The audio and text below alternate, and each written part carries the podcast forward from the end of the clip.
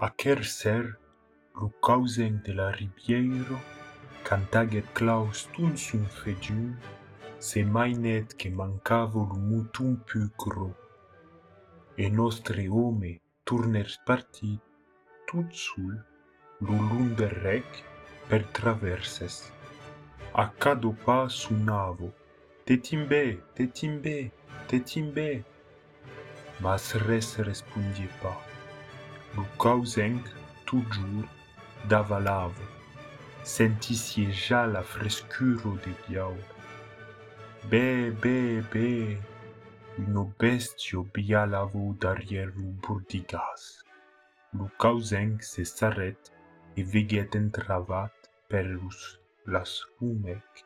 Un mutu, un brave mutu, lo seu causenc lo desentravet, mas lo mouton se pudie pas tener. Avie las pato senza nusido. Pauro bestio, te vo portar. E lo causenc carguèt lo mouton sus las espatlo, puèi tornèt montar lo lun del rec. Mai l'home montavo, d'unt mai lo mouton pesavo. Lo causenc bufavo, susavo e pantugavo.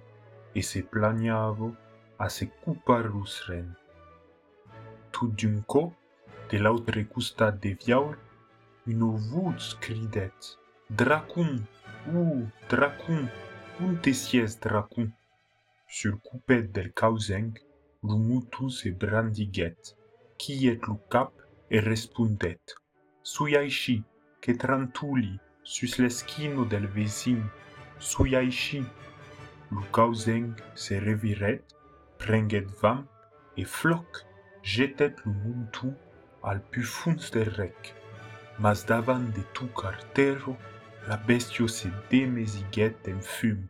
Ha ha ha ha! Ha ha ha ha! respondet un autre rire marit de l'autre part de viaur.